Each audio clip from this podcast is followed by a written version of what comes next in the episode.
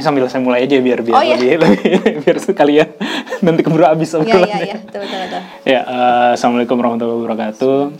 Eh, selamat pagi, siang, sore, atau kapan pun waktu yang kamu pakai buat dengerin podcast ini. Kembali lagi bersama saya Panji eh, di podcast ngobrol-ngobrol bisnis.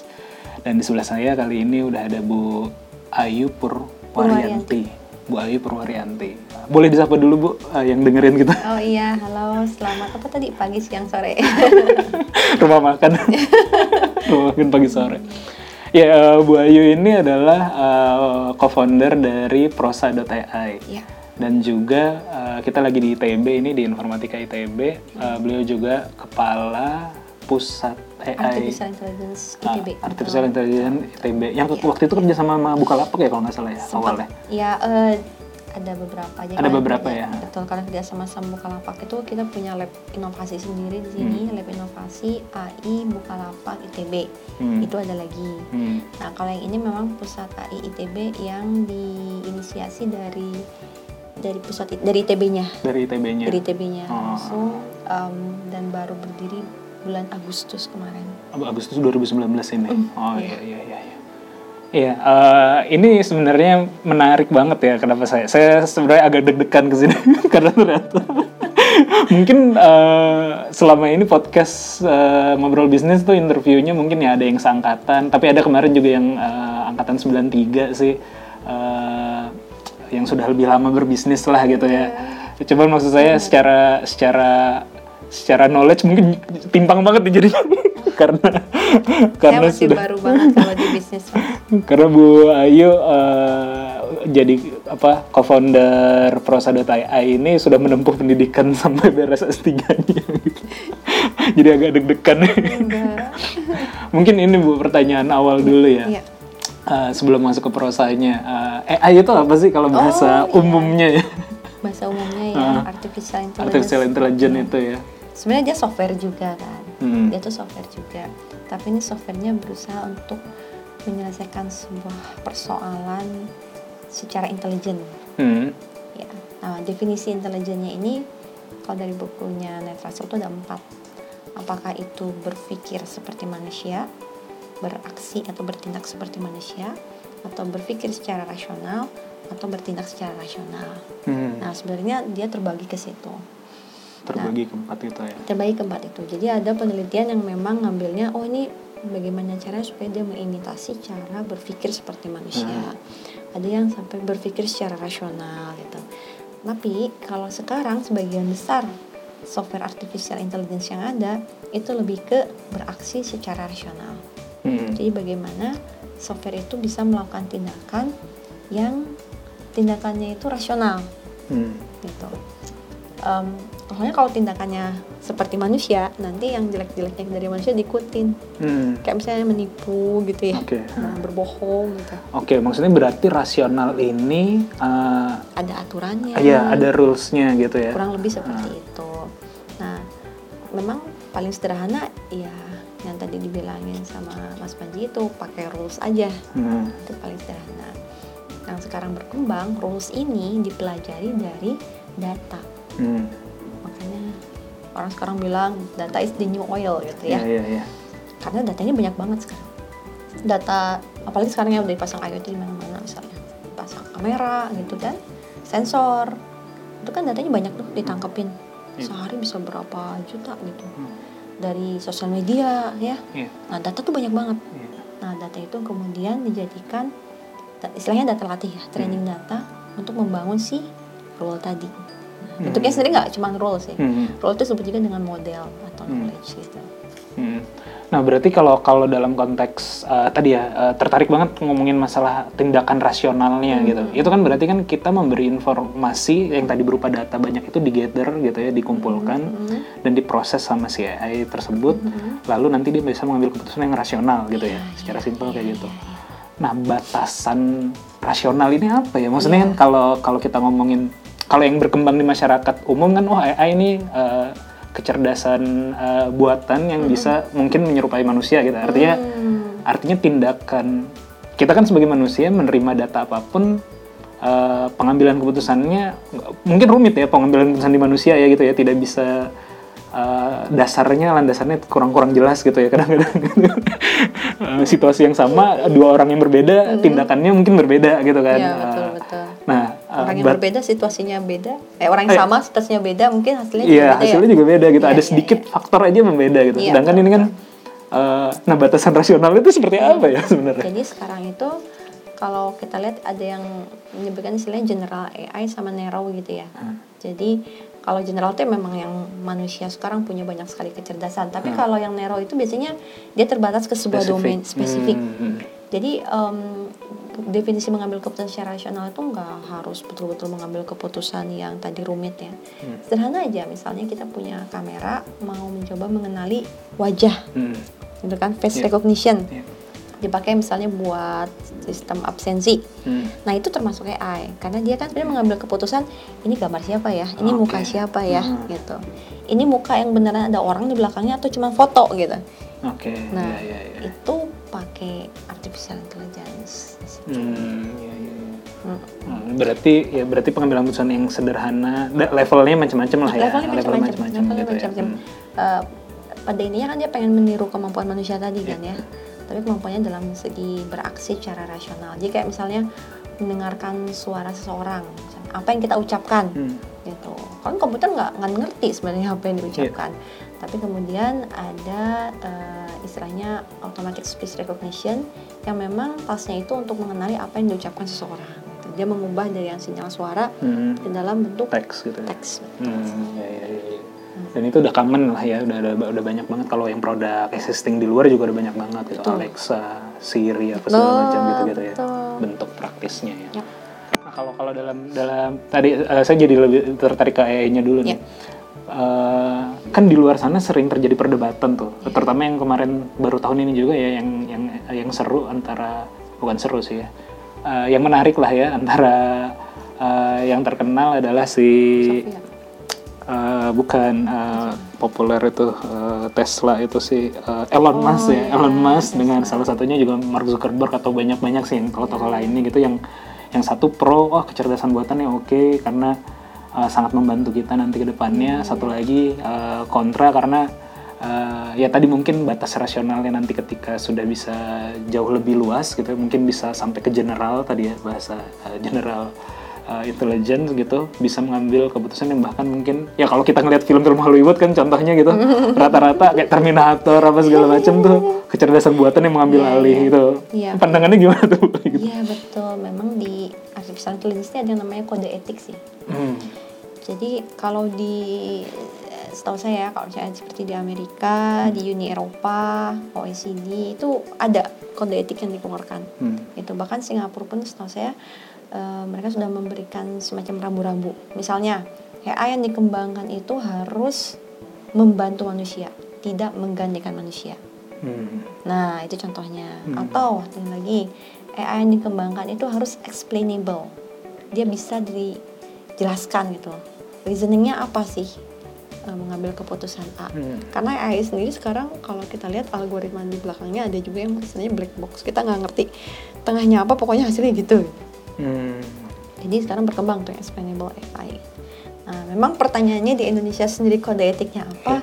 Saya belum pernah dengar sih siapa yang menetapkan kode etik Ah, AI di belum Indonesia. belum ada rule-nya juga belum ada aturannya Saya ya? belum pernah dengar betul. Yang Hmm. saya tahu memang baru industri 4.0 dalamnya ada AI, Hmm. tapi kemudian kode etiknya seperti Hmm. apa? kode etik pengembangan batasannya kayak gitu-gitu ya betul. belum belum hmm, Tapi sebenarnya secara dunia tuh orang Sudah mulai aware mulai, ya? sudah mulai aware karena eh, ada yang istilahnya mungkin Mas Panji pernah dengar namanya deepfake. Iya. Ya, ada juga yang bentuknya kita bisa mengenerate video Hmm. seseorang eh, mukanya, oh suaranya, face ya ya, iya iya iya oke oke mukanya, suaranya itu betul-betul orang tersebut. Iya. Padahal itu nggak pernah orang tersebut tuh di film seperti itu. Iya iya iya. iya. Ada beberapa yang kemarin sempat beredar Iya, juga kan iya, ya. yang dan itu tuh ya. em, kita tuh belum bisa menganalisis apakah ini videonya itu benar asli atau palsu di generate sama si artificial intelligence. Hmm, Itu balik lagi ke kode etik. Udah etik ya. Kode etik betul. Iya. Artinya kalau ketika ada ketahuan ada yang memproduksi seperti itu untuk tujuan tidak baik, harusnya langsung kena sih. Hmm, iya iya iya iya. iya. Oke, nah kalau tadi ngomongin masalah data di Indonesia banyak data yang sca- scatter lah ya tadi Hmm. di sosial media, terus juga eh, ya mungkin IoT kan udah cukup banyak, kamera Mm-mm, jalan kayak di Jakarta gitu ya. sekarang di ya, Jakarta ya cukup. mulai ya. Ah, ada alumni ITB juga yang bikin apa Noteflux yang cukup cukup cukup cukup tinggi lah ya tractionnya gitu. Eh, nah melihat ini eh, Bu Ayu dan tim eh, ngelihat potensi gitu ya. Betul, Ah. betul karena di kalau di negara-negara lain itu memang sudah sudah sampai ada dana dari pemerintahnya khusus untuk artificial intelligence itu angkanya gede banget. Hmm. Mungkin dari tahun 2017-an tuh kayak Kanada segala macam. gitu. Hmm. Jadi sekarang tuh ada sedikit eh, apa namanya pandangan bahwa siapa yang menguasai artificial intelligence ini ke depannya bisa menguasai dunia. Dunia. Nah, ah. sehingga ada perlombaan Hmm. antara negara-negara adidaya Hmm. Eh, terkait dengan penguasaan terhadap artificial intelligence Hmm. gitu. Jadi baik ah, seperti Amerika, Cina gitu kan. Kalau di Iya. Cina kita lihat AI itu dipakai buat surveillance. Iya sangat ketat. ya. Iya, jadi kita orang yang jalan di mall tuh udah ketahuan nih orangnya siapa, duitnya berapa, itu bisa ketahuan gitu. Iya. Bahkan kemarin saya beberapa bulan yang lalu juga sempat ke Shenzhen itu, ya eh, padahal kita pendatang kan, bukan bukan bukan Hmm. warga sana juga. Eh, sempet juga loh, udah ada beberapa data yang udah udah ya bukan bu- ya data yang tidak private juga sih sebenarnya. Ya, Hmm. pasti kita kedatangan kita kan ke detect juga, tapi mereka udah tahu lebih jauh gitu. Itu juga, oh kita ke Hmm. Udah nggak detect ada lah, rahasia ke lagi baca ya. tuh kayak gitu. Iya iya. iya. Kalau kalau dalam Nah, konteks itu berarti eh, aturan tadi itu ditentukan oleh negara ya. Iya, harusnya seperti itu. Eh, Atau untuk oleh komunitas misalnya, komunitas gitu ya. organisasi, Bisa digunakan untuk apa? mm, misalnya. Tapi memang nggak mudah ya, karena Hmm. sekarang itu em, kalau kita mau belajar artificial intelligence tuh nggak sulit. Hmm, ya, Kan suka ada sekarang democratization in AI. ya. ya kan? Kenapa? Karena kalau misalnya kita buka di internet udah banyak sekali tutorial Hmm. cara membuat sebuah program artificial intelligence dengan teknologi terbaru pakai deep learning itu seperti apa Hmm, gitu. Jadi sebenarnya nggak sulit untuk membuat itu tuh kalau kita dalemin sebentar juga kita bisa gitu. Ya. nah eh, oke lah itu memang ada sisi apa ya resikonya resiko terus harusnya kita seperti apa tapi sebenarnya positifnya juga banyak gitu. Dia akan mengurangi cost meningkatkan benefit. Hmm. contohnya mungkin cerita kemarin eh, salah satu e-commerce tuh cerita mereka pakai recommendation recommender gitu ya. Hmm, recommendation system itu eh, kalau misalnya ada ada orang belanja sesuatu hmm. nanti kan langsung direkomendasiin barang-barang yang terkait dengan barang yang dia beli Dia gitu cari dibeli ya, betul. sehingga itu meningkatkan nilai eh, penjualan harinya Ya. yang asalnya cuma 50 juta sehari bisa sampai 300 juta sehari Hmm. gara-gara si recommender system jadi memang si AI Hmm. ini tujuannya untuk eh, meningkatin benefit ngurangin cost Hmm, iya.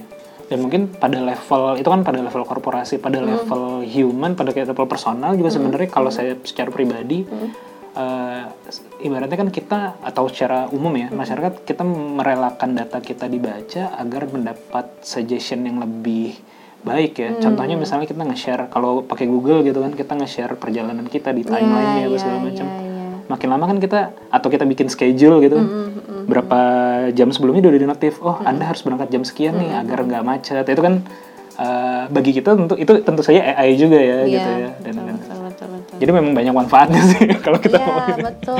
Jadi mau nggak mau pasti bakal masuk ke Indonesia dan memang sekarang sudah banyak yang Iya, pakai iya. juga gitu. Iya, iya, betul betul. Mm-mm. betul. Saya pun mau cerita salah satu yang buatannya Prosa namanya voice biometrics. Hmm. Jadi dia tuh mengenali seseorang dari suaranya. Oh iya. Dipakai buat siapa? Dipakai untuk customer service. Jadi kalau misalnya kita nelpon ke bank gitu, Oke. kita nelpon itu biasanya ditanya sama Siapa? si customer service-nya tuh ditanya sampai lima pertanyaan. Nama ibunya siapa Betul. gitu, tempat tanggal lahirnya gitu. Nah, kalau kita pakai voice biometrics itu kita nggak harus sampai lima pertanyaan. Hmm. Mungkin cukup satu atau dua pertanyaan udah bisa. Hmm. Karena udah kelihatan dari ketika suara kita masuk, sekitar 10-20 detik kemudian kita udah ketahuan ini ini beneran memang suara Iya, iya. dari ID sekian, suara dari nomor rekening sekian. Hmm. Nah, kalau udah yakin ya udah nggak usah nanya banyak-banyak. Hmm. Akhirnya apa? Dia ngurangin cost, ya Hmm. kan? Yang awalnya sehari itu mungkin bisanya cuma 50 orang yang diterima oleh satu customer service misalnya. Hmm. Sekarang kan jadi bisa dua kali nih. Hmm, karena pertanyaannya semakin sedikit, verifikasinya semakin Betul, sedikit. verifikasi Iya, iya, betul, semakin betul. sedikit, jumlah waktunya semakin sedikit Hmm. gitu. Oh, ber- eh, berarti juga eh, salah satu produknya juga itu ya speech eh, recognition ya. Iya, iya. Oh, itu kalau namanya saya- voice biometrics. Voice biometric. Kalau kalau saya dulu di FT, saya kebetulan ngambilnya akustik sebenarnya. Di dulu bimbingannya di Pak Joko. Kebetulan kan dia sering jadi apa ya? eh, memang bergeraknya di bidang itu ya, speech recognition lah lebih lebih lebih lebih ininya. Ya, itu Eh, bidang Pak Joko. kurang kurang lebih kurang lebih seperti itu ya. Berarti pakai data ya tentu saja datanya dikumpulkan Iya, dulu iya, baru. iya, iya. Ya ya ya menarik sih menarik ya. Iya. Nah terus prosa ini apalagi tuh produknya salah satunya kayak gitu. Ya, itu itu salah satunya di bidang Hmm. speech. Speech itu kita punya selain mengenali eh, tadi ya voice biometrics atau mengenali pembicaranya, Hmm. ada juga yang ASR, automatic speech recognition, mengenali Hmm. apa yang diucapkan. Oke Ya, jadi kalau di bahasa Indonesia nanti ada lain di masalah dialek. oke betul. Dialek tiap apa ya Daerah. daerah itu agak agak berbeda Beda. gitu. Terus juga di TTS, TTS itu text to speech. Text to speech. Iya, dari tulisan ke suara. Jadi itu bisa membantu contohnya ini kita kemarin sempat membantu yang ujian ujian masuk gitu ya. Hmm, Misalnya- tunanetra gitu ya. Ya betul. Kan biasanya kalau tunanetra itu harus dibacain sama Hmm. penjaga ya. Sekarang tunanetra ada 10 yang jaga cuma lima orang. Kan pasti yang Iya, yang satu iya, tuh pasti iya, idle kan. Iya, Ya, iya, tapi iya, kalau betul, kita betul. pakai text to speech, dia mau berkali-kali dengerin satu soal juga nggak masalah. Gitu. Itu bisa ngebantu. Yang yang ASR juga ini ngebantu. Hmm. Ada kemarin kita bikin riset itu Bu Desi sebenarnya yang ini eh, di sini itu untuk membantu eh, siswa yang kalau ini berarti tunarungu ya. Tunarungu, Ah, oke. Dia dia ngelihat dosennya ngajar, dosennya pakai slide, tapi dia nggak nggak ngerti si dosen ngomong apa. Ah, Nah kalau kita pakai speech recognition, dia udah ada laptop sendiri itu keluar tulisan dosennya. Dia ngomong apa. Oh, gitu. Dan itu sudah eh, sudah berjalan saat ini. Iya, sekarang kita lagi mau pakai buat semester ini. Jadi barangnya udah ada, tapi Hmm. mau dipakainya buat semester ini. Oh, ya menarik sih itu. Berarti Iya, ya, itu intinya bagus. banyak banyak membantu ini ya, yang eh, banyak manfaatnya lah ya. Hmm. Kalau itu produk-produknya prosa. Eh, prosanya sendiri ini apa Oh, sih sebenarnya? Itu nggak cuma itu sebenarnya Ah, nggak cuma speech, ya? ada teks juga. Ah, Kalau- speech to text, text to speech. Nah, ada juga benar-benar cuma teks. Oke, contohnya. Ya, sebenarnya contohnya chatbot, Oke. social media monitoring, Hmm. plagiarism detection. Hmm. um, Oh iya yang plagiarism ya saya, saya baca di pakai di kumparan ya kalau nggak salah ya di di di, Hmm. Ya, di i- beberapa media ya di beberapa Iya. media ya. Jadi kalau plagiarism detection tuh idenya kalau misalnya online news itu sering nerima tulisan dari Editor eh banyak responden banyak lah ya, ya. Nah, jadi nggak harus wartawan dia aja Hmm. dibuka untuk umum. Nah itu di plagiarism detection tuh ketika ada yang memasukkan dan mungkin sehari bisa ribuan, Hmm. itu bisa dideteksi dulu oleh si plagiarism detection. Kalau ternyata dia ter itu adalah plagiat sekian persen dengan artikel yang sudah ada sebelumnya, ya udah nggak usah masuk filter sama Hmm. orang kan, jadi Iya, iya, ngurangin kan. Iya, iya. Nah itu contohnya plagiarism detection. Oke. Gitu. Oh, sebelum apa se- tadi sebelum masuk ke prosanya, saya menarik tadi yang kalau terkait dengan apa dari speech to text atau sebaliknya lah gitu. Sekarang kan kita varian eh, tadi ya varian oh, dialeknya Iya. ngomongnya itu kan banyak banget ya. Iya, ya itu masih jadi PR sebenarnya buat prosa. Oh, dan dan terus juga teks kan penulisan orang juga apalagi dengan bahasa Oh, iya. alay sekarang gitu kan. Ya itu kita bikin, aneh-aneh. kita bikin. Eh, kita bikin berarti istilahnya datanya namanya banyak word banget ya gitu ya? Datanya baik dan memang bukan cuma data itu kan Hmm. tetap di dalamnya ada si machine learningnya juga. ya. Hmm. Oh, jadi nggak nggak hanya data ya. Kalau dikasih data banyak aja, tidak diproses, tidak tidak Hmm, jadi nggak bisa ini jadi ya, model, tidak bisa jadi model. ya. Iya, iya, iya. Eh, pro- proses sendiri nih, Iya. eh, bagaimana nih awalnya sebenarnya? Prosa ya. Tapi tahu ya artinya prosa? Tahu tahu eh, kalau ya, kayak kebahasaan lah ya. Iya. Kalau bahasa- saya saya kurang paham. Cuman Iya. dulu bahasa zaman eh bahasa Iya. inilah ya. Prosa puisi kan? Iya, prosa Nah, puisi, betul. prosa itu tulisan Kesastraan yang lah, kesustra, kesusastraan. Iya kayak esai gitu ya. Tapi sebenarnya prosa sendiri kami itu mem- menganggapnya itu singkatan dari pemrosesan bahasa sih. Oh, Iya. jadi kayak kalau hmm, dua arti lah. Dua arti. Eh, prosa kesusastraan dan juga pemrosesan Iya, bahasa. iya, Oke, iya, menarik, menarik. Iya, ini kalau foundernya sih sekarang eh, kami bertiga Hmm. sekarang itu. Saya, Bu Desi, dan Pak Teguh Eko. Hmm, Kalau saya dan Bu Desi memang dosen di IF. hmm, Kalau Pak Teguh Eko itu memang full CEO Full CEO di ya Prosa. di Prosa betul Oke. itu foundernya terus kemudian eh, awalnya memang kita dari dulu em, membuat penelitian itu kan dari sejak S1, S2, S3 ya Hmm. itu memang bidangnya teks dan S1 saya S2-nya nih eh, eh, di ITB semua tuh, Bu? enggak Ah. eh, kalau Bu Desi itu dari Tokyo kalau saya dari Toyohashi S3 Oh, iya iya. iya. Nah, itu dari awal dulu memang kita selalu bikin tugas akhir kayak begitu memang di bidang kita masing-masing ya. Saya di bidang teks, Bu Desi di bidang speech gitu. Oh, Pulang ke Indonesia eh, mengajar pun bidangnya itu. Hmm. Membimbing mahasiswa pun bidangnya itu. Hmm. Ketika ada yang datang minta tolong dari industri atau dari eh, government itu minta tolong bikin produk, produknya pun bidang itu gitu. Jadi kita memang udah dari dulu bidangnya itu Hmm. kemudian mm, apa namanya teman-teman atau alumni alumni ITB yang lulus juga ada yang bikin startup di bidang itu juga Hmm. gitu sampai akhirnya kita kepikiran juga untuk kayak kita bisa nih membuat hasil penelitian kita itu sebagai sebuah produk yang hidup karena kalau sekarang kadang produknya mati dalam artian nggak ada lagi yang maintain Hmm.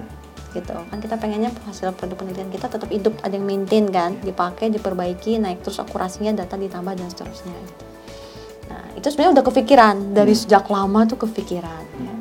tapi memang eh, belum benar-benar dilakukan Hmm. sampai pada saat itu waktu itu tahun 2000 sekarang 2019 ya 2018 2017 akhir lah Hmm. 2017 akhir eh, saya kan salah satu penggagas dari asosiasi yang namanya INACL. INACL itu Indonesian Association for Computational Linguistics. Di dalamnya ada teks, ada speech gitu ya. Hmm. Nah, eh, kita tuh sering mengadakan workshop tiap tahun. Jadi tahun 2016 ngadain workshop, 2017 ngadain workshop gitu ya. Targetnya sih supaya semua teman-teman ini tambah semangat bikin penelitian di bidang computational linguistiknya. Kalau ada data kita bisa sharing bareng. Di situ researcher semua atau Researcher ada industri? semua. Ada industri sih tapi industri sedikit. juga? Ya, sedikit. kebanyakan sih dosen. dosen ya. Kebanyakan dosen. Nah, tahun 2017 itu Hmm. workshop kita itu didanai oleh Oh, workshopnya, workshopnya 2017. workshopnya Inacel Oke. itu didanai oleh Sponsor lah ya. ada sponsor dari Hmm. venture kan Oke. venture capital nah kemudian ngobrol lah kita Hmm. sampai akhirnya jadi dibalik ini dari venture tersebut yang menawarkan ke kita mau nggak bu Hmm. bikin startup di bidang ibu Hmm. gitu karena venture itu melihat bahwa di Stanford pun seperti itu Ada model seperti ya itu ya. di di luar negeri Hmm. seperti itu ya kan si profesornya mereka punya startup Ya, ya, ya. gitu. Nah ini bu mau nggak kita jadi role model nih nyobain punya startup yang memang serius Iya, iya. gitu. Nah em, jadi itu prosesnya agak lama Hmm. karena memang Ya dari 2017 ya. Iya dari du- di 2017 pun agak lama karena kalau ditanya ya, harus bikin pitch deck yang kelihatan uh, timelinenya kapan dapat untung Hmm. kami nggak punya pengalaman terus terang Hmm. untuk bikin yang seperti itu. Yang selama ini kita lakukan adalah ketika industri datang minta tolong dibikinin sesuatu ya udah kita bikinin, Hmm. jadi Iya, deliver udah. Iya. Tapi bikin sesuatu yang kemudian jangka panjang nanti ketahuan kita kapan BEP-nya Ya. sama sekali nggak punya pengalaman. Jadi waktu itu kita bikinnya juga ya seperti membuat proposal penelitian biasa Ah. gitu ya, gitu. Hmm. Tapi yang saya kagum adalah kepercayaan dari Inka percaya banget mau bikin slide apa pun oke gitu. Hmm. Produk pun ketika kita bilang produk produk ini produk ini kayak ya udahlah oke aja gitu. Hmm.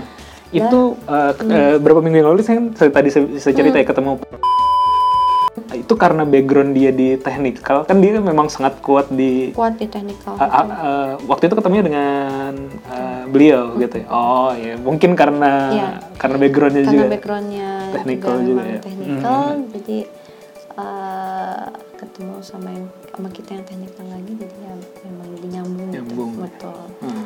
jadi akhirnya kita sepakat kita bikin prosa Em, ya alhamdulillah sampai sekarang masih masih ada Hmm. ya. Hmm. dan sekarang kita malah nambah divisi image di kita Image, image processing juga. image-nya juga masuk sekarang ya Hmm, Kita berarti text- awali- text, speech dan image text speech ya. dan image Oke ya oke. Kalau sekarang kita ngawalin si image ini dengan face dan plate, ya, plate recognition plate mobil car car plate, Oh, card plate. ya plat nomor. Plat nomor. Mm-mm. Sama yang face face Hmm. recognition kita awali dengan itu. ya karena kita memang dasarnya tuh dari researcher ya researcher ya. Iya, iya. Jadi memang idenya tuh pengennya tuh bikin banyak banget. Saya ingat Ah. banget waktu pertama tuh teks tuh pengennya bikin sampai berapa ya? Ah. Sampai 10 apa ya? 10 Banyak gitu yang kita pengen bikin. Iya. 10 tipe gitu ya 10 tipe produk Betul betul betul. Itu karena kita awalnya dari researcher yang kemudian sebelumnya kita sudah bikin banyak juga, tapi dengan akurasi masih belum bisa maksimal Ya. gitu kan. Tapi ternyata ketika inginnya sudah dengan ada masuk pendanaan ini mau Iya. maksimal membuat banyak produk yang lebih betul akurat betul. gitu ya Tapi memang indu- industri sama penelitian di situ Iya, agak ada banyak. Iya, jadi saya belajar banyak Iya, bahwa iya, belum tentu yang kita anggap menarik di penelitian Hmm. itu memang cocok dengan industri. dimanfaatkan oleh industri Iya, bisa langsung diterima sama industri. Masyarakat, enggak iya, iya. enggak seperti itu ternyata.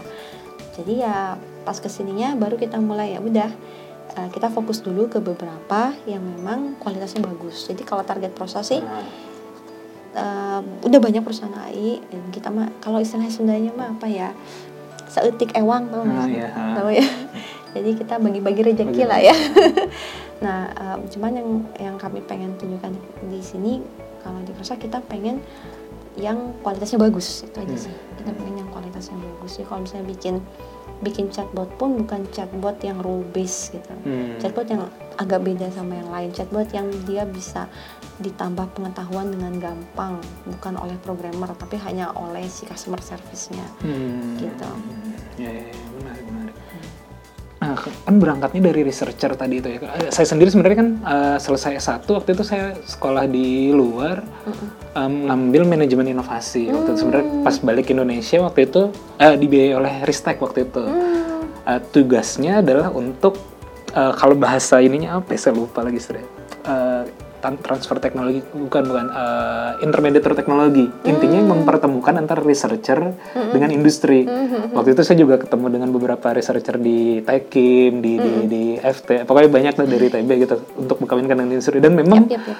uh, selalu ada gap gitu ya. Baik baik kan dua arah ya. Misalnya dari ada penelitian yang menarik kita tawarkan industri atau industri butuh apa kita lempar ke kampus atau litbang. Waktu itu tugas saya seperti itu gitu. Dan memang ada gap sih, ada gap banget antara researcher dengan industri gitu ya. Uh, Emang nggak mudah itu Iya. Tapi itu itu menarik dan itu bisa diakomplis oleh timnya Prosa ini sebenarnya uh, waktu itu aja butuh kita, butuh kenapa kita disekolahin manajemen inovasi atau transfer teknologi itu kan agar ada jembatan antara researcher dengan industri Iya, gitu ya. Makanya butuh orang-orang yang disekolahin khusus gitu lah. oh Tapi tapi itu itu menarik sih bisa dikomplis sendiri dan akhirnya sekarang Iya. eh, tentunya saling ada learning dari industrinya ada learningnya dari researchnya juga ada learning. betul betul betul bagi kami bagi saya yang eh, dosen gitu saya bisa cerita banyak Hmm. ke mahasiswa tentang pengalaman saya di industri Hmm. Itu eh, buat mereka juga senang semangat Iya, iya, iya. mereka termotivasi juga mereka ngerti oh ternyata gitu bu gitu Iya, iya, iya. Eh, itu positif gitu, Positifnya itu ya. positif gitu dan saya juga dari segi penelitian lebih dapat banyak problem dari industri Iya, kan iya, betul. problem yang kemudian butuh solusinya apa gitu itu buat kita kita bisa dapat ide buat penelitian yang kemudian dijawab nanti pakai publikasi itu Hmm. paper mau jurnal mau conference itu jadi eh, menurut saya positif sekali ketika si industri sama em, akademisi ini Bisa bertemu gitu eh, dan menghasilkan sesuatu jadi saya ini ada beberapa paper yang bareng antara engineer di Prosa sama saya di kampus gitu. Hmm. Jadi paper itu atas nama berdua, atas nama ITB dan atas nama Prosa. Di tahun ini kita ada ada tiga paper ya, tiga paper dan tiga-tiganya dapat best paper. Itu luar biasa saya juga langsung subhanallah alhamdulillah. Tiga-tiganya best paper di masing-masing conference itu. Uh, jadi Ber- dan berarti kalau kalau kayak gitu engineer di prosa pun engineer yang advance ya berarti maksudnya benar-benar Oh, expert di bidangnya ya ya ya em, kebanyakan bukan sekedar atau, atau bagaimana Iya iya sih. Kebanyakan sekarang sih alumni sini ya. Alumni sekarang juga sih. ya. Kebanyakan mantan bimbingan juga. memanfaatkan Enggak sih, enggak dan dia kan cuman- diga- digaji profesional lah ya, Iya, kan kerja kita kan ya. udah punya chemistry juga dari awal terus eh, positifnya karena mereka seneng riset juga Hmm. maksudnya pekerjaan di prosa itu bukan pekerjaan yang hanya kayak apa ya em, bisnis lah ya Iya dan nggak monoton dalam artian ada ada sid- ada sudut risetnya di situ. Iya, iya. untuk mendapetin yang terbaik itu risetnya apa jadi kita tuh bukan orang yang pakai library pakai library gitu loh Hmm. Tapi malah kita bikin library. Oh, iya, iya. gitu. Mungkin mungkin ada yang saya pakai NLTK library-nya misalnya. Kalau kami nggak kami bikin NLTK-nya karena buat bahasa Indonesia kita nggak bisa pakai NLTK Hmm. ini harus bikin sendiri dong. Hmm. itu bakal lebih bagus. misalnya ya seperti itu Iya, sih iya, iya. Iya, karena co-founder saya juga tadi saya bilang anak informatik, saya, saya paham sih cara cara Oh. berpikir kan banyak kan eh, senengnya adalah sebenarnya ya di situ eh, belajar hal yang baru, Iya, yang kayak gitu-gitu lah ya. betul, betul dan menarik karena si computational linguistic ini cepat cepat sekali betul. perkembangannya Betul, betul. sesu- satu teknik yang masih 2018 awal itu masih dianggap baru banget oh ya. sekarang udah diganti sampai tiga kalinya gitu jadi udah lewat sini lewat sini lewat sini gitu. Itu menurut saya wah ini emang harus terus update itu berarti itu berarti itu berarti kita harus terus update nggak boleh ngerasa udah cukup Nah, kalau kalau di tim tadi berarti kan eh, kalau di tim prosanya tentunya kebagi kan ada tim bisnisnya, ada tim Oh engineer-nya iya, kan iya, ya tetap betul, ya. betul. tetap kalau itu sih tetap eh, nggak sanggup lah itu tetap Ah. harus ada teman-teman di bisnis yang memang sudah banyak networkingnya Hmm. ke sana kemari menjelaskan termasuk mengedukasi juga sih ke Hmm. industri dan masyarakat tentang AI itu bisa ngapain sih apa gunanya AI itu Iya, iya. ada beberapa yang masih belum paham tentang itu Gitu. Iya, iya. Wah, soalnya kan industri yang baru tentunya tantangannya adalah harus mencerdaskan pasarnya dulu juga kan ya. Nah, itu sih sebenarnya yang Betul. sebelum langsung jualan kan iya ya. nggak bisa gitu aja nanti kan mereka kaget kok mahal banget misalnya aduh Oh iya kalau bisnis modelnya nih eh, kan tadi ada beberapa produk tuh. Tadi Hmm. juga saya udah lihat websitenya. Itu juga sifatnya eh, apa eh, sewa bulanan juga ya? Apa? ah ada macam-macam Ada macam-macam ya? kalau yang sewa bulanan itu memang kita nyediain API Hmm. eh, di cloud orang tinggal panggil API-nya Hmm. tapi ada juga yang memang langsung on premise awalnya itu dulu saya ingat banget idenya itu kita memang pengen API supaya teman-teman yang punya produk AI yang betul. gedenya Hmm. tinggal panggil API kita Mhm.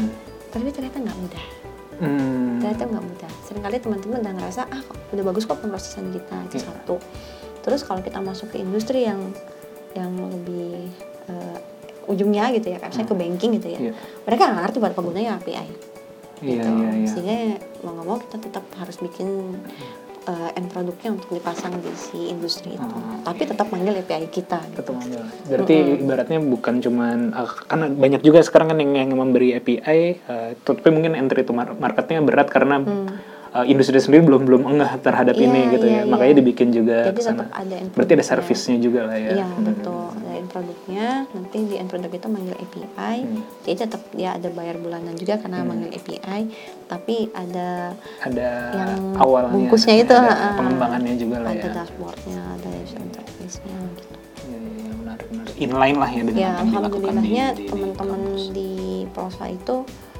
di tim masing-masing ya di text division, speech division, image division eh, memang orang-orangnya udah siap gitu Hmm. udah siap untuk memang sesuai dengan eh udah profesional lah maksudnya targetnya ini ya dikerjakan gitu. Ya, ya, ya. Ya, dan ini menarik sebenarnya. Tad- Tadi seperti yang sebelum kita pas pas lagi di record, eh, sebelum di record kita omongin, eh, biasanya pada umumnya adalah startup tuh kan berangkatnya memang ya eh, anak-anak muda yang Ya, ya, ya. eh, ya, anak mudanya banyak sih sebenarnya eh, yang tidak punya apa ibaratnya mungkin males kerja atau apa biasanya gitu akhirnya bikin-bikin gitu kan. Eh, kalau ibu sendiri kan datangnya dari yang sebuah yang settle. Kalau di Indonesia sebenarnya jarang ya. Kalau saya lihat apa belum belum banyak lah. Tapi kalau eh, kalau di luar di Amerika atau di Jerman terutama rata-rata researcher itu yang S3 doktor gitu ya yang, su- yang sudah selesai Iya. eh, bikin bisnis dan memang karena memang tuntutan teknologinya butuh expert di bidang itu gitu loh. Sedangkan kalau di kita kan kebanyakannya mayoritasnya masih yang levelnya level inovasinya mungkin masih kecil ya. tapi ini menarik Hmm. Sebenarnya saya cerita lagi voice biometrics tadi Oke, ya hmm. itu kita masuk ke sebuah bank itu kita disandingkannya dengan produk dari Singapura Oke. kebayang nggak Iya.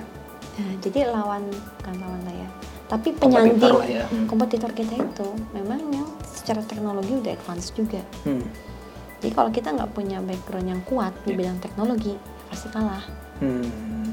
gitu karena ini mungkin bidangnya ya Iya. karena bidangnya memang butuh apa ya eh, penelitian yang lama Hmm. gitu kan jadi ya ya pas gitu. Iya, iya, iya, iya sih. Iya makanya tadi saya bilang mungkin di sektor-sektor tertentu yang butuh ya bukan kayak basic innovation yang inovasinya lebih Betul, lebih dalam. Kayak betul. mungkin di industri lain mungkin kayak di industri apa ya defense gitu pasti kan butuh knowledge yang Betul. lebih dalam dibanding yang ece-ece gitu ya Nggak ece-ece ece-ece bahasa. juga, Iya iya tapi iya, lebih kuat bisnisnya mungkin ya, Iya, ada yang lebih kuat bisnisnya, ada yang lebih kuat dari sisi teknologinya, kan. teknologinya. Kalau saya ngelihat yang artificial intelligence ini memang lebih kuat di teknologinya. Hmm. Gitu. Iya, iya, menarik. Karena bisa dengan teknologi yang sama kita langsung masuk ke beberapa domain bisnis tuh bisa. Hmm. Kayak saya bikin chatbot gitu ya. Iya. Jadi kita langsung bisa ke domain apa? E-commerce, domain banking, domain apa? Tinggal ganti domainnya aja. Teknologi core-nya sama. sama ya. Iya, atau kalau bah- bahasa kalau di marketingnya mungkin kan ada yang ibaratnya istilahnya adalah market pull sama teknologi push ya. Oh, mungkin ini yang teknologi push lah ya, yang memang Iya. teknologinya kita push ke industri. Kalau Iya. market pull kan eh, ya tadi yang level inovasinya tidak terlalu dalam. eh, ya karena kebutuhan ma- market aja, market butuh apa ya mungkin level inovasinya yang eh, minim aja udah cukup gitu sih. Menarik, menarik sih. Tantangannya apa nih Bu? Mungkin ya, tantangannya banget sih menjalankan tantangan. bisnis ini atau ya tadi di risetnya sendiri. Iya, iya. Tadi perkembangan riset yang sangat cepat. Hmm. itu luar biasa tantangannya terus memang eh, apa ya dari segi industri juga kami masih harus mm, apa ya memberikan pemahaman dulu tadi yang kayak tadi ya ke pasar itu kita harus mengedukasi dulu gitu. Jadi kita harus jelaskan dulu ini manfaatnya apa. Dan memang eh, harus juga bisa menahan ekspektasi orang yang terlalu tinggi gitu. Tetap aja namanya artificial intelligence berasal dari data akan tetap punya nilai error Iya, iya. Nah pertanyaannya ketika ada error itu terus rencananya apa? Ya kayak yang tadi voice biometrics nggak 100% akurat Iya. juga, tapi memang targetnya nggak nyampe 100% akurat. Iya. Diambil use case-nya yang ya jadi mengurangi jumlah pertanyaan, nggak sampai Iya, nol iya, iya, misalnya ya. Hmm. Nah eh, itu juga tantangannya. Terutama itu sih menurut saya sih kalau kalau dari tim alhamdulillah menurut saya saya senang banget teman-teman di Persa itu solid Em, ada yang lulusan S1, S2 ada yang sedikit lagi nyelesain S3 Hmm. eh, dan senang sama bidangnya gitu ya bidang NLP, bidang speech, bidang image karena udah seneng sama kerjaannya ya jadi mungkin lebih enjoy jadinya ya Hmm. gitu dan kita juga memberikan kesempatan kan kakak misalnya yaudah kita ke conference gitu Hmm. Iya, iya, iya. jadi Pengembangan dirinya juga dapat mereka. ya. Tahun- insya Allah insya Allah Hmm. kita upayakan tapi kan kita masih baru nih baru dua tahun kan Hmm. ya jadi memang masih masih ada kelemahan-kelemahan kalau dari segi organisasi ya Hmm. tapi insya Allah kita perbaiki terus sih Hmm. dan memang eh, tambah ke sini tambah tambah banyak yang lebih paham tentang artificial intelligence Iya, iya. dan manfaatnya apa gitu Iya sih, harus ya, harus bisa ngejar yang lu- di luar lah ya, yang sudah jauh lebih ini. Iya iya, ini menarik kemarin full saya sempat saya sempat ke Hong Kong cerita tentang produk prosa untuk bidang media gitu. Oke. Dan itu ada eh, saya jadi narasumber waktu itu. Sesudah saya beres, ada yang ngedeketin terus bilang kami dari Malaysia katanya. Ah. Ini Mereka juga bergerak di oh Enggak, ini dari bisa medianya, dipakai, iya. dari medianya. Oh, iya. Kamu bisa pakai nggak layanan prosa buat Malaysia? Ah.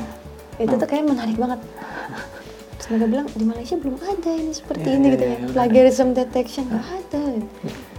Yang saya baca juga kan proses selain yang plagiarism ada juga yang hoax ya, anti hoax Iya, juga ya, iya. ngedetect, Yang hoax itu mm, kerjasama dengan Kominfo kita. kalau itu sifatnya lebih eh, crowdsourcing aja mungkin ya nyari Tetap di dalamnya ada AI. tetap ada juga ya. Oh. Mm-mm.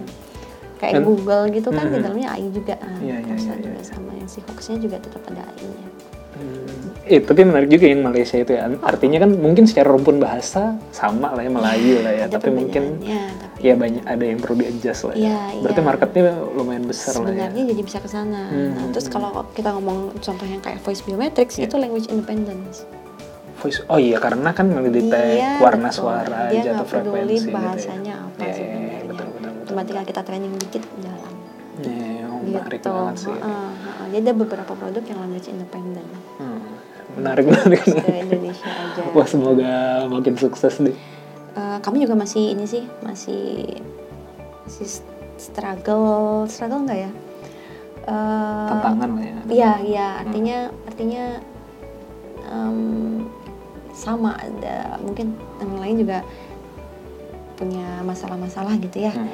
kalau yang tadi balik yang ke tadi em, persoalannya ada di mana mungkin kalau saya ketika kita ngomong perusahaan di bidang teknologi Hmm. Berarti kita harus selalu mengikuti perkembangan teknologinya gitu computer science-nya di conference seperti apa kita ikutin ada tempat Hmm. terbaru segala macam Hmm. mau nggak mau itu risetnya harus kuat Hmm. gitu karena eh, ini perusahaannya berarti di bidang teknologi kan yang kedua tadi mengedukasi masyarakat Hmm. karena belum tentu paham manfaat dari si produk ini apa gitu kalau saya ngeluarin duit segitu nanti saya dapat eh, hasilnya apa, Manfaat apa, Eh, ya. costnya gimana saya dapat benefitnya di mana gitu Hmm. nah itu terus yang berikutnya sebenarnya balik ke eh, di, di dalam si perusahaannya itu sendiri itu standar lah ya. Seperti talentnya Hmm. ya kan infrastrukturnya. Kalau kita ngomongin artificial intelligence itu pasti infrastrukturnya harus kuat. Hmm. servernya tuh harus yang CPU dan seterusnya lah ya. Hmm. itu harus bagus gitu. Talentnya juga bukan cuman emang kuat di riset tapi juga kita kan harus punya chemistry ya. Ya, harus ya, ya. cocok Ya, gitu kan ya kalau nggak cocok ya nggak enak juga nanti kerjanya Hmm. gitu Ehm, menurut saya itu sih masalah funding ehm, itu juga menarik ya kita kita nyari funding itu baru dua kali kan yang pertama Hmm. dulu tahun 2017 terus kemarin di awal 2019 19. nah, di awal 2019 kita dapat funding tambahan gitu Eh, karena waktu itu ya itulah mungkin karena kami juga masih baru ya Hmm. Jadi funding yang pertama terlalu kecil kayaknya. Ngomong harus ada funding kedua. Hmm, terus kalau nggak salah saya baca beritanya kan eh, Tapi tetap kalau- tulisannya series A ya. series A nih series A betul. Secara valuasinya series A ya. Ya em, kalau ini memang ada ada pertimbangan. Apakah mau nyari funding lagi atau ya udah segini aja? Hmm. ya udah kita tinggal bikin produk gede-gedein aja gitu. Hmm. itu masih jadi pertimbangan. Tapi kalau menurut saya sih asalkan memang memang produk kita bagus Hmm. tempatnya ada kita tahu diferensiasinya apa funding itu banyak kok Hmm. sebenarnya Ya, ya. ya mungkin saya cerita dengan yang di ITB sini gitu ya itu ada beberapa investor memang datang Hmm. nyari perusahaan startup yang mau di Danai. Hmm. Jadi relatif eh, ya kalau produknya bagus dan kira-kira menjual gitu ya, pasti pada datang sendiri kok, dengan sendirinya lah ya. benar, Iya, benar. iya, iya, iya. Iya, ternyata begitu Nah kalau menanggapi kan eh, sekarang ini banyak mahasiswa mungkin ya alumni ya, alumni baru ataupun mahasiswa yang arahnya mau bikin bisnis. tuh.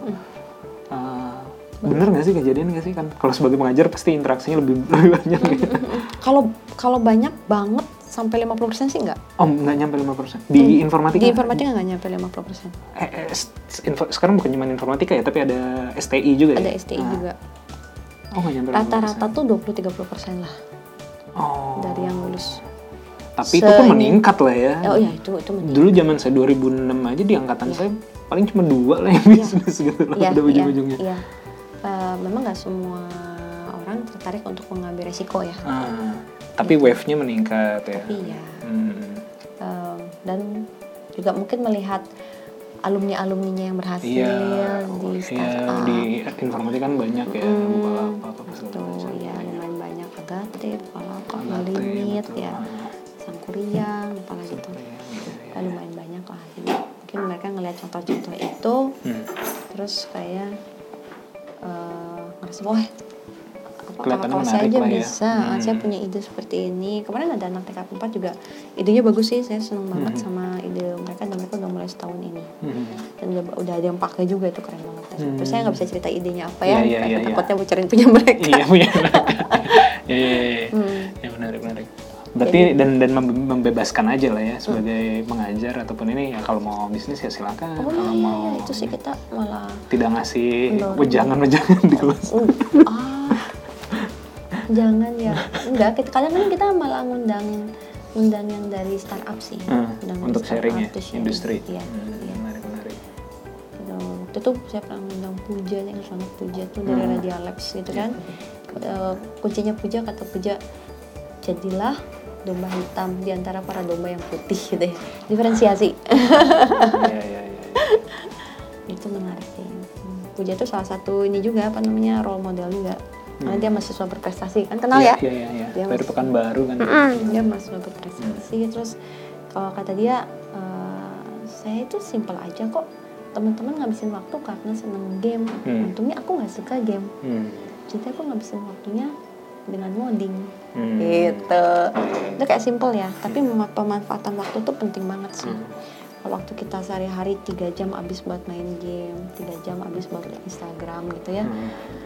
Ya bandingin sama yang tiga jam ngoding kayak puja Iya, gimana iya, nggak iya. ketinggalan gitu yang Iya, main iya. game sama yang Instagram ini misalnya simple aja sih jadi diawali dari yang simple pemanfaatan waktu yang baik Hmm. itu ke sananya sih ngikutin apa pun termasuk bikin usaha ini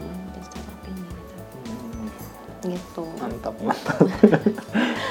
Iya, makasih Bu nih waktunya semoga Sama-sama, makin Mas. sukses uh, Amin. prosanya juga Iya. riset-riset yang dilakukannya. Iya, iya. Tapi itu menarik sih selain text based uh, speech sekarang image image kan lagi Iya, laku iya. banget lah kalau kalau dari Iya, sisi ma- market gitu ya ngelihat Iya, itu Hmm. Jakarta terutama dan saya rasa smart city pasti akan ya image Hmm. processing sih akan naik banget sih Indonesia ya lagi ini.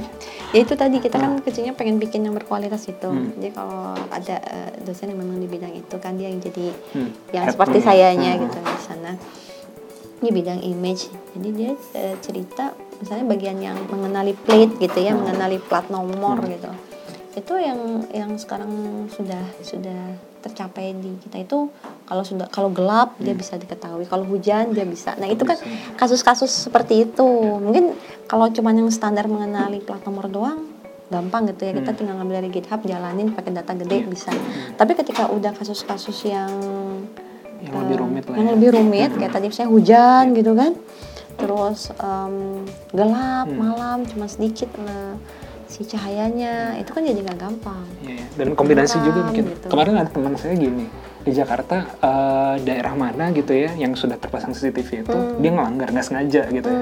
Nggak sengaja yang ngelanggar eh, nggak nyampe tiga hari su- surat dikirim ke rumah Hmm, gitu. Jadi memang sudah sudah sudah sudah baik lah Hmm. sistemnya kayak gitu udah ada kejadian kayak gitu ya melanggar berarti kan ke detect platnya Hmm. cuma dikirimnya memang ke alamat rumah di mana di mobil itu terregister oh ya Sedangkan kan kejadiannya sebenarnya bisa jadi bukan dia yang nyupir Iya, atau bukan itu apa. Mungkin itu nanti ya perlu ada kombinasi lah uh, Mungkin ya. recognition image Iya. platnya sekaligus yang nyupir nih dia apa bukan ya kalau kalau yang nyupir bukan kalau dia. kita kan- punya datanya bisa Iya, iya, tapi iya. data muka di Indonesia kayaknya belum ya Oh iya iya. iya. Di Cina justru. Bahkan teknologi yang simpel aja kemarin saya lihat tuh uh, waktu pas di Shenzhen itu di kita kan juga udah mulai banyak ya pembayaran apa sih online kayak gitu ya. Dan sudah mulai memasyarakat lah di parkir apa segala macam. Cuman kalau di kita kan uh, yang aplikasi parkir itu uh, bayar parkir itu kan uh, dua step lah kita scan dulu ini. Lalu kalau di sana udah bisa langsung scan ketika pintu keluar. Dan terus uh, akurasinya jauh banget bu dibanding kita. Misalnya scan apa sih namanya tuh? QR code itu ya? Scanning image image processingnya itu kalau di kita aplikasi kita masih agak kadang-kadang nggak kedetek Iya. loading apa segala macam. dengan HP yang sama saya pakai aplikasi mereka. dari jarak jauh kebalik burem dan segala macam udah ah, ini enak banget. Jadi kayak nggak sengaja. Gini aja udah langsung ke ke, ke baca gitu udah jauh lebih advance lah sebenarnya gila sih mudah-mudahan mudah-mudahan bisa China ngejar lah kita betul, betul. dia Dan mungkin- udah banyak banget Ya, dan dan dari dukungan pemerintah juga mungkin mudah-mudahan mak- makin lama makin besar lah ya untuk untuk Amin. ininya ya untuk riset.